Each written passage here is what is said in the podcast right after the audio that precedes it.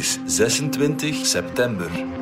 Dit is vandaag de dagelijkse podcast van de Standaard. Ik ben Alexander Lippenveld.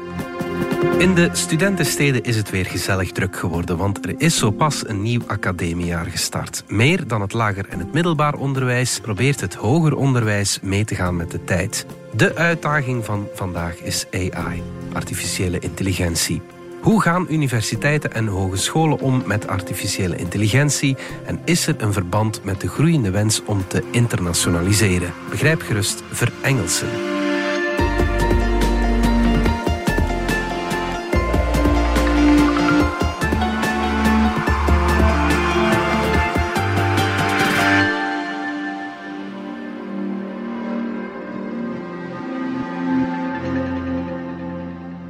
Onze reporter Nina Malans ging alvast even luisteren aan de KU Leuven Campus Brussel en vroeg enkele eerstejaarsstudenten van de opleiding Handelswetenschappen hoe bekend zij al zijn met AI. Uh, vorig jaar heb ik uh, van ChatGPT gehoord en heb ik uh, dat wel een beetje gebruikt, maar ja, dat was het dan ook. Ja, ik ben niet zo bekend met artificiële intelligentie, dus ik weet het eigenlijk niet. Maar ik heb dat wel eens getest. Uh, in, in het zesde middelbaar, maar dat was, nee, dat was niks voor mij. Als ik iets niet snap, dan kan ik dat in ChatGPT zeggen en dan kan hij mij een beetje uitleggen hoe dat, dat precies tot stand komt. Ik heb wel al eens ChatGPT gebruikt. Ik heb dat ook zo geleerd op mijn secundaire school, dat je daar vooral mee moet leren werken en niet kopie-plak doen, maar je daar wel gebruik van mocht maken. En kunt maken, het bestaat, maar gewoon op een goede manier. Klaas Maanhout van onze binnenlandredactie. Het uh, academiejaar is weer begonnen. Wat meteen opvalt is het, uh, het aanbod. Er lijken weer zoveel nieuwe studierichtingen uh, te zijn. Hè? Ja, dat klopt absoluut, hè, Alexander. Uh, dat is elk jaar wel een beetje hetzelfde verhaal. Al, al, moeten we ook wel eerlijk zijn. Het is eigenlijk wel een pak minder dan vroeger hoor. Mm -hmm. De tijd dat er slag om slinger nieuwe richtingen werden uitgevonden en ook in de markt gezet, ja, is de laatste jaren wel ja, een beetje stopgezet. Maar meest opvallende is, er lijkt een wildgroei ja. aan uh, AI-opleidingen. Dat is absoluut. Als er één ja. constante is dit uh, academiejaar, dan is het dat er overal opleidingen AI, master na master AI, toegepaste artificiële intelligentie opduiken in het aanbod. Hè. Van de VUB, KU Leuven, Hogescholen Gewest, KDG, AP, Vivis, Odyssee, PXL, UCLL. Ik denk okay. dat zowat elke hogeschool een aanvraag heeft ingediend. De meeste hebben die ook toegekend gekregen. Zelfs ook Sintra en Sivora, dat zijn dus meer ja, graduaten avondscholen. Mm -hmm. die, die springen ook op die kar natuurlijk. Dus AI is alomtegenwoordig. Ja. En zo'n aanvraag indienen tot een nieuwe opleiding. Wat houdt dat dan Wel, juist in? Dus elke hogeschool maakt dan een dossier op. Mm -hmm. uh, daarin staat dan van ja, hoe zal die opleiding eruit zien. Uh, dus uh, ze dienen dan een aanvraag in bij de, bij de Vlaamse regering. Dat gaat dan naar een commissie die daar zich over buigt. En dan wordt er wat gekeken van ja, hoe sterk is elk dossier. Mm -hmm. En dan kijken ze natuurlijk ook naar de spreiding over Vlaanderen. Ja. een beetje dat er een evenwichtige spreiding is. Zodat iedereen wel ongeveer in zijn of haar regio de opleiding zou kunnen volgen. Ja, oké, okay, goed. AI, terug daarover. Dat leek lang de olifant in de kamer in het hoger onderwijs. Nu struikelen de hogescholen en uh, universiteiten over elkaar heen bijna om AI te omarmen. Hè. Uh, hoe is dat zo geswitcht? Wel, ik denk inderdaad dat je, dat je die indruk wel kunt hebben. Er zijn vijf universiteiten in Vlaanderen. Hm. Die zijn natuurlijk al heel lang bezig met de ja, artificiële intelligentie zoals we die vandaag kennen. Zijn de, die zijn eigenlijk al vaak decennia bezig met deep learning, machine learning. Dat zijn dan heel technische termen. Ja, het zoeken naar neurale netwerken, et cetera. Dus mm. op zich, voor hen is dat niet echt heel erg nieuw. Alleen krijg je daar wel de indruk dat ze heel erg bezig zijn met het herverpakken van wat ze eigenlijk al deden. Dus uh, ook zij springen wel op buzzwords AI en, en proberen eigenlijk wat ze al deden gewoon in een nieuw jasje te steken en vormen dan ook wel een soort van ja, nieuwe master Bijvoorbeeld aan de KU Leuven heb je ook een instituut voor AI. Ja. Uh, daar hebben ze eigenlijk gewoon heel veel mensen samengebracht die vanuit verschillende velden, dat gaat dan bijvoorbeeld over mensen die bezig zijn met ja, in, meer industrieel ingenieurs en machines, tot mensen uit taalopleidingen die bezig zijn met gebarentaal of, of met uh, het taalpatronen herkennen, et cetera. Hmm. Dus ja, die komen elkaar nu wel vaker tegen en dat zal waarschijnlijk wel tot uh, interessante ontwikkelingen leiden. Ja. En dan heb je natuurlijk ook wel gewoon ja, vernieuwing. Hè. Bijvoorbeeld, we hadden deze week met een prof van de UGent, Francis Wijfels, en die, die ja, mag nu dit academiejaar voor het eerst een nieuw vak doseren. Dat is dan bijvoorbeeld intelligente robotmanipulatie. Oké. Dus ja, we kennen allemaal wel die, die, die robotarmen die eh, ja, je vaak op televisie of in films ziet. Ja. Maar die zijn tot vandaag eigenlijk meestal dom. Als in, die, die, die, die doen iets, maar telkens dezelfde repetitieve handeling. Ja, ja, ja. Ja, hij is nu volop bezig samen met andere professoren om die slim te maken. Ja, zo zijn ze bijvoorbeeld bezig met robots die, die de was plooien. Eh, en blijkbaar zou die onlangs nog een internationale prijs gewonnen hebben over een robot die de was plooit. En dus op Bring it on, zou ja, die zeggen. dus slim kan zien van ah, dit kledingstuk doe ik dan Ja, op deze manier, op de meest efficiënte manier. Ja. Dus eh, ja, je ziet wel dat er daar heel veel aan bewegen is en dat is op zich wel spannend. Dat voor de universiteiten. Bij de hogescholen is het wel effectief zo dat die, ja, denk ik, vijf jaar geleden nog amper met AI bezig zijn en vandaag massaal met AI bezig zijn. Dus ja, er speelt in het hoger onderwijs, zeker bij de hogescholen, speelt er altijd wel een beetje concurrentie. Dus als de ene iets doet, dan springt bijna iedereen op de kar. Ja. Aan de andere kant kan je natuurlijk zeggen, AI zal wellicht in elk vakdomein een bepaalde plaats krijgen. Dus eigenlijk is het ook wel logisch dat de hogescholen daarmee bezig zijn.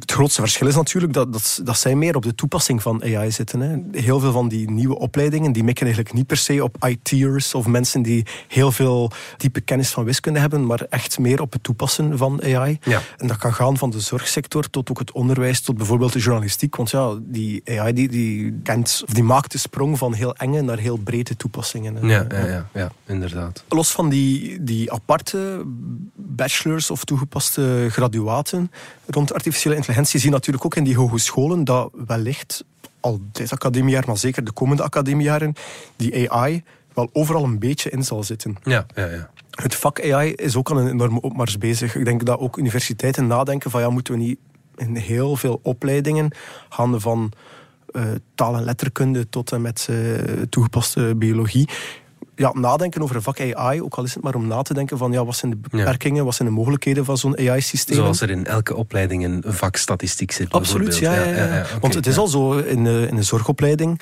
Ja, bepalen data mee welke beslissingen artsen of verpleegkundigen maken. Hè. Dus op zich is dat heel efficiënt. Ook in het onderwijs is er al heel veel mogelijk met AI. Mhm, Ehm, natuurlijk ja, met taal, die ChatGPT, die eh, al heel veel gebruikt wordt. Ja, die zal ook bijvoorbeeld de journalistieke opleiding wel echt wel een beetje veranderen. Dus eigenlijk is het een zeer logische en is ook wel noodzakelijke eh, verandering. Ja, is er ook een beleid rond het gebruik van AI in ja, alle vakken, zeg maar, eh, bij de onderwijsinstellingen? Wel, ik denk wel dat heel veel docenten en proffen gedwongen zijn op korte tijd om daar toch over na te denken. Ja. En daardoor dus ook universiteiten. Dat is eigenlijk zeer evident. Hè. Mhm.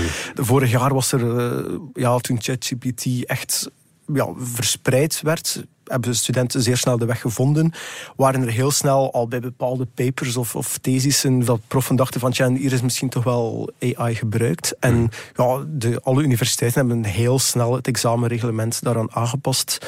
En je ziet wel dat er een evolutie is van ja, in het begin was er zo'n beetje schrik van oei, en nu gaat iedereen vals spelen. Naar ja, AI kan ook wel gewoon gebruikt worden. En verschillende proffen die laten het ook wel gewoon toe. Als hulpmiddel natuurlijk. Want ja, je zit natuurlijk wel met plagiaat en zo. Dat is heel expliciet opgenomen. Je kan niet bepaalde argumenten of denkpatronen die ChatGPT jou aanlevert zomaar gebruiken. Zeker zonder bronverwijzing. Maar natuurlijk, als, je, als je het bijvoorbeeld gewoon gebruikt om je tekst na te lezen en inhoudelijk een beetje te herstructureren, zodat je zinnen leesbaarder zijn. Ja, Dat, dat is niet slecht, ja. ja, sommige proffen zeggen gewoon, oké, dan, dan is dat de reële toepassing.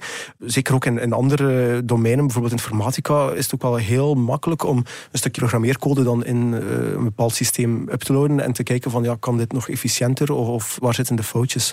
Ja. Dus ehm, ik denk dat, dat, dat we wel geëvolueerd zijn naar angst voor iets nieuws, naar eh, ja, wa- Ja. wat kan dit en, en eh, wat zijn de mogelijkheden en hoe passen we het dan ook concreet toe, zodat er ook geen misbruik mogelijk is. Ik, ik speel nog even advocaat van de duivel, want je leert natuurlijk minder goed je vak als je alles laat schrijven door een systeem en het nog eens naleest, toch? Wel, ik denk dat, dat de uitdaging daar voor proffen zit om beter na te denken over het soort opdrachten dat je geeft. Want als je weet dat iets zeer makkelijk reproduceerbaar is met ChatGPT, dan moet je misschien de vraag stellen, ja, misschien moet ik het dan toch op een andere manier evalueren of testen.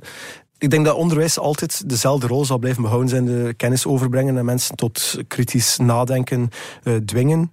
Dat zo'n systemen er zijn, ja, ze zijn er nu eenmaal. Dus ik denk dat dat eerder gewoon een evolutie zal zijn dan het feit dat nu studenten plots niet meer gaan nadenken of alles door uh, ChatGPT laten schrijven. Ja, je studeert natuurlijk ook om te leren, dus het is je eigen verantwoordelijkheid. Hè? We gaan er even uit voor reclame en dan doen we verder in English. Stop. Wie zit er nog met vragen? Vragen als elektrisch laden, hoe doe ik dat eenvoudig? Slim? Voordelig? Ontdek al onze laadoplossingen op maat. Want bij Engie willen we dat iedereen mee is. Engie, al onze energie gaat naar jou.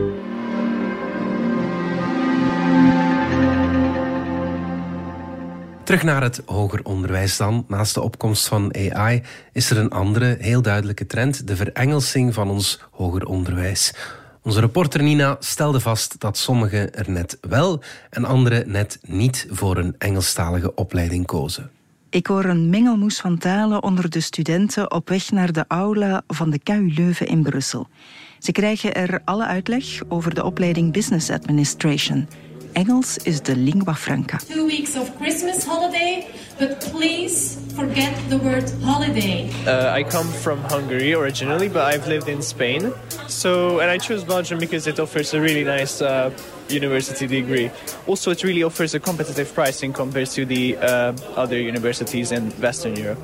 Ook de bachelor handelswetenschappen gaat van start. De eerstejaarsstudenten maakten ook een bewuste keuze voor het Nederlands. Ik ben Dries, ik ben 18 jaar en ik studeer handelswetenschappen in Brussel. Ik ben uh, Joppe, ik studeer uh, handelswetenschappen in de eerste bachelor in uh, de campus in Brussel. ik doe dat in het Nederlands. Omdat ik wel bang ben voor allee, dat het al sowieso al moeilijk gaat zijn. ik ben Fran, ik ben 18 en ik studeer handelswetenschappen.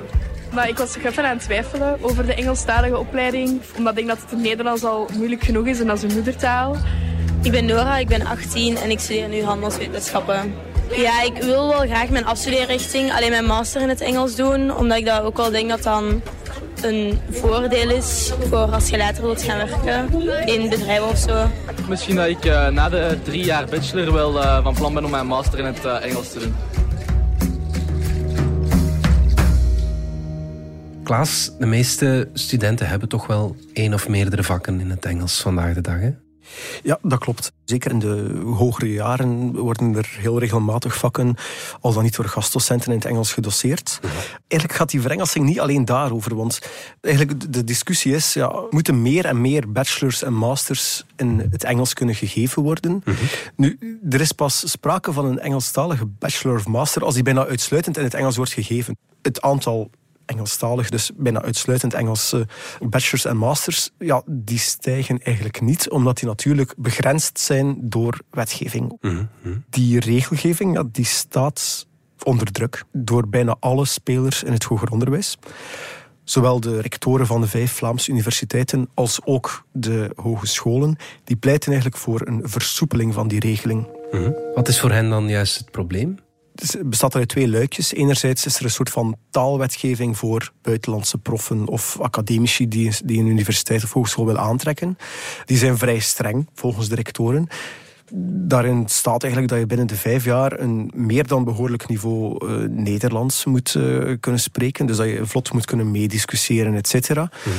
Nu, zij zeggen van ja, dat voelt voor die buitenlandse academici aan als een barrière en daardoor ja, haken ze af of kiezen voor een andere universiteit. Ja. En dus bijvoorbeeld de, de rector van de KU Leuven, Luc Sels, die doet dan een concreet voorstel, omdat hij vindt dat er dus een versoepeling moet komen. Ja, even luisteren wat uh, Luc Sels daarover zei bij zijn openingsrede aan de KU Leuven. Ik wil heel even, want dat debat wordt veel minder gevoerd, inzoomen op de taalvoorwaarden die gelden voor inkomende internationale professoren. Want ik maak me daar op lange termijn eigenlijk veel meer zorgen over. Dat is naar mijn aanvoelen een echte Achilleshiel voor ons innovatief systeem. Praat met jonge, startende internationale professoren die ons vervoegen. Dan halen zij eigenlijk vrij systematisch drie belangrijke troeven aan. Het gaat om de autonomie die men geniet. Sta er toch even bij stil. Die is groot in ons systeem. Het gaat om ruime academische vrijheid maar in combinatie met heel veel ondersteuning en mogelijkheden voor academisch ondernemerschap. Iets waar we denk ik internationaal ook wel bekend voor staan. Maar voelen ze zich welkom in universiteit en regio, dat durf ik bij momenten te betwijfelen. Voor die beginnende proffen zegt hij, ja oké, die komen hier natuurlijk wonen, die hebben het al zeer druk. Maar het is natuurlijk evident als ze hier blijven wonen dat ze wel de taal spreken. Dus hij pleit daar voor een klein beetje een versoepeling. Maar vooral voor die buitenlandse proffen die al heel wat aanzien hebben, een heel uh, grote track record of uh, um, al heel wat publicaties hebben en dus ook vaak ja, specialist zijn in hun niche. Mm -hmm. ja, die, die, die, zeker bijvoorbeeld de 50-jarige prof, die, die haal je niet naar Vlaanderen, volgens de rectoren. En voor ervaren professoren is de drempel zo mogelijk nog hoger. Want wat krijg je daar? Zij hebben vaste benoeming elders en zij moeten dan de overstap maken naar een regio waar ze diezelfde status maar kunnen verwerven na een intensief project van taalverwerving. En dat, daar passen ze doorgaans helemaal voor. En zo missen wij potentieel belangrijke groepsleiders, hoogleraars met veel kilometers op de teller, die hier bij ons mee het verschil kunnen maken. Als je zegt, ja, oké, okay, de vereiste voor een vaste benoeming en om hier te mogen blijven, is wel dat je binnen vijf jaar ja. zeer goed Nederlands spreekt. Ja, ja, dus zij pleiten daarvoor een versoepeling en voor die oudere proffen eigenlijk gewoon het loslaten van die echte vereisten. Ja, en is dat dan nodig om de kwaliteit van onze opleidingen te verzekeren of te bestendigen? Ja, dat is natuurlijk de vraag. Hè. Engels of verengelsing van het hoger onderwijs is een zeer uh, delicaat onderwerp. Mm -hmm. Ook al heel vaak teruggekomen de laatste jaren. Volgens de universiteiten is het absoluut noodzakelijk om uh, die te kunnen aantrekken. Wetenschap staat met talent. Wetenschap valt bij gebrek daaraan. En als ik terugkijk, en soms vraag ik me af hoe hebben we dat toen gedaan, als ik terugkijk naar de vorige eeuw, dan zie je dat de Vlaamse universiteiten eigenlijk bijzonder groot en sterk geworden zijn met talent van eigen bodem. Maar er is bijzonder veel veranderd. De schaal van universiteiten, de complexiteit van de wetenschap en in toenemende mate de krapte in onze eigen lokale arbeidsmarkt. Vlaams talent dat zelf de vleugels uitzwiert en de wereld verkent. Een universiteit die vandaag niet een volle oog dat internationaal talent aanboort, die verliest het pleit. Een regio die haar belemmert in het aantrekken van dat talent, die ziet haar universiteiten geleidelijk aan dalen in de pikorde. Voor hen is dat natuurlijk belangrijk, niet alleen de kwaliteit van je onderwijs, want vaak geven die echte experts ook niet superveel les. Ik denk dat het vooral over onderzoek ook gaat. Mm. En natuurlijk ook ja, ergens je, je positie binnen Europa of zelfs de wereld. Hè. Want laat ons eerlijk zijn, universiteiten zijn zeer internationaal geworden de laatste decennia. En volgens bijvoorbeeld Luxels is de enige weg internationaler worden. Ja, waarom? Wel, waarom? Ja, daar halen ze verschillende redenen aan hoor. Eén daarvan is bijvoorbeeld ook ja, de arbeidsmarkt. Uh, we schrijven er heel vaak over, is een arbeidskrapte. Ja. Heel veel profielen, bijvoorbeeld die stemprofielen, dus die, die wiskundige of technische profielen, ja, daar hebben de rectoren het gevoel van, van ja, iedereen die het kan doen in Vlaanderen doet het al. Mm -hmm. Maar ja, de vraag blijft veel groter. Dus moet het talent wel uit het buitenland komen. Ja. Dat is een van de redenen dat ze daarbij aangeven. Een andere reden is natuurlijk ja, dat, dat voor hen uh, een stukje natuurlijke groei ook wel nodig is om, om die universiteiten draaiende te blijven houden.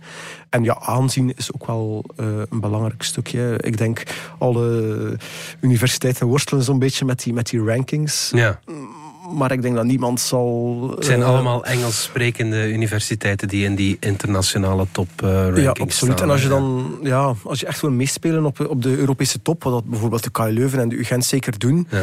ja dan is het natuurlijk ja, een, een verengelsing eigenlijk een logische evolutie voor hen. Hè. En gebeurt dat zo vaak, dat, uh, dat er buitenlandse proffen worden aangetrokken?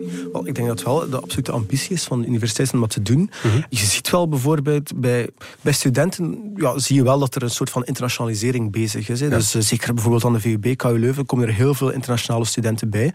Dat is voornamelijk in de masterjaren. Mm -hmm. Maar dan bij die, uh, bij die doctorandi, ik denk dat ongeveer de helft van onze doctorandi in Vlaanderen al uit het buitenland komt op dit moment. Okay. Dus uh, dit is, het gaat echt wel om een redelijk aandeel. Mm -hmm. En ook bij proffen is dat natuurlijk zo. Het gaat niet alleen over de, de gewone... Ja, we hebben in Vlaanderen fantastisch goede proffen. Mhm. Maar, en dat is dan natuurlijk een van de redenen om buitenlandse academici aan te trekken, in heel veel niches zijn er nu ook niet 30 toppers wereldwijd. Dus uh, ja, Luc Zels verwijst dan bijvoorbeeld zelf naar het UZ Leuven, maar hetzelfde geldt natuurlijk voor het UZ Gent. -hmm. Die zijn vaak bezig met zo'n niche onderzoeken, bijvoorbeeld naar zeldzame ziektes ja, als je daar een absolute wereldtop wil aantrekken, ja, dan heb je keuze uit vijf mensen. En ja, dat is dan natuurlijk geen, allee, niet automatisch een, een Vlaamse of Belgische prof. Ja.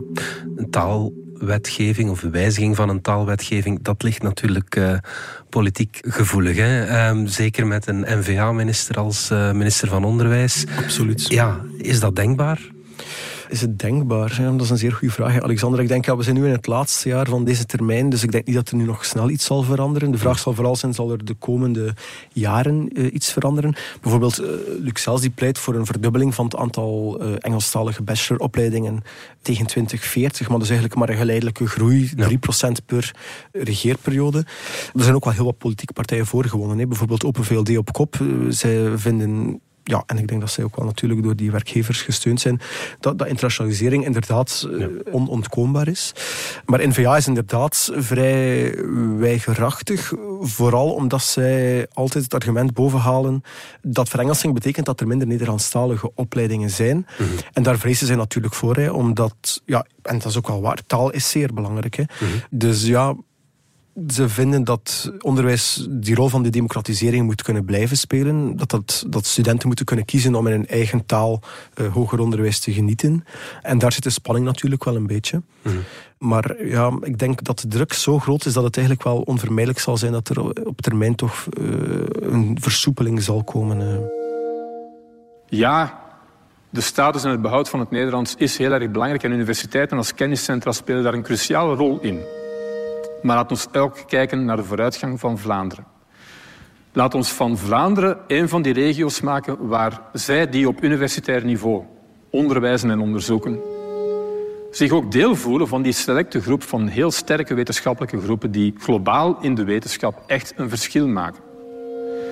En pas als we dat realiseren en dat kunnen doen, dan denk ik dat we relatief zeker kunnen zijn dat wat Vlaanderen Vlaanderen maakt, en de taal hoort daarbij, de taal hoort daarbij, niet alleen beschermd en bewaard wordt, maar ook internationaal uitgedragen en internationaal bewonderd. En daar is het ons toch wel mede om te doen. Er is nog een land in de wereld dat Nederlands spreekt en dat is natuurlijk Nederland. Uh, hoe doen ze het daar? Wel, het, het is uh, interessant dat je het zegt, Alexander, want er wordt heel vaak naar Nederland verwezen in deze discussie. Mm -hmm. En Nederland, we kunnen er veel van leren, maar wat betreft taal in het hoger onderwijs wordt toch vaak als schrikbeeld gebruikt. Nee. Als in, daar is het eigenlijk volledig de spuigaten uitgelopen. Echt heel veel opleidingen zijn bijna uitsluitend in het Engels te volgen. En dat gaat dan niet over... Uh, artificiële intelligentie, om uh, het mm -hmm. maar te noemen. Maar bijvoorbeeld ook de, de standaardopleiding psychologie. In bepaalde ja. universiteitssteden is die enkel in het Engels te volgen. Wat vreemd, allee, toch een beetje vreemd aanvoelt. Ja. Omdat uh, als je een gesprek hebt bij een psycholoog gaat, het toch uh, in het Nederlands zal zijn. En daar is het zelfs zover gekomen dat ja, de, de huidige minister, Robert Dijkgraaf, beslist heeft om, het ja, een beetje terug te schroeven. En dus natuurlijk ja, is dat wel het schrikbeeld dat, dat iedereen gebruikt. En dus zeker ook NVA want we willen toch geen Nederlandse scenario's um, uh, aan onze Belgische universiteiten. Ik denk ook wel dat alle Vlaamse rectoren het eens zijn dat we geen Nederlandse scenario's willen. En die hmm. pleiten dus niet echt voor een revolutie, maar ik denk eerder een zachte evolutie, zoals uh, het dan zelf noemde. Ja, en een gerichte uh, aanpak, ja. zeg maar. Oké. Okay. Goed, Klaas Manhout, dankjewel. Ja, dankjewel.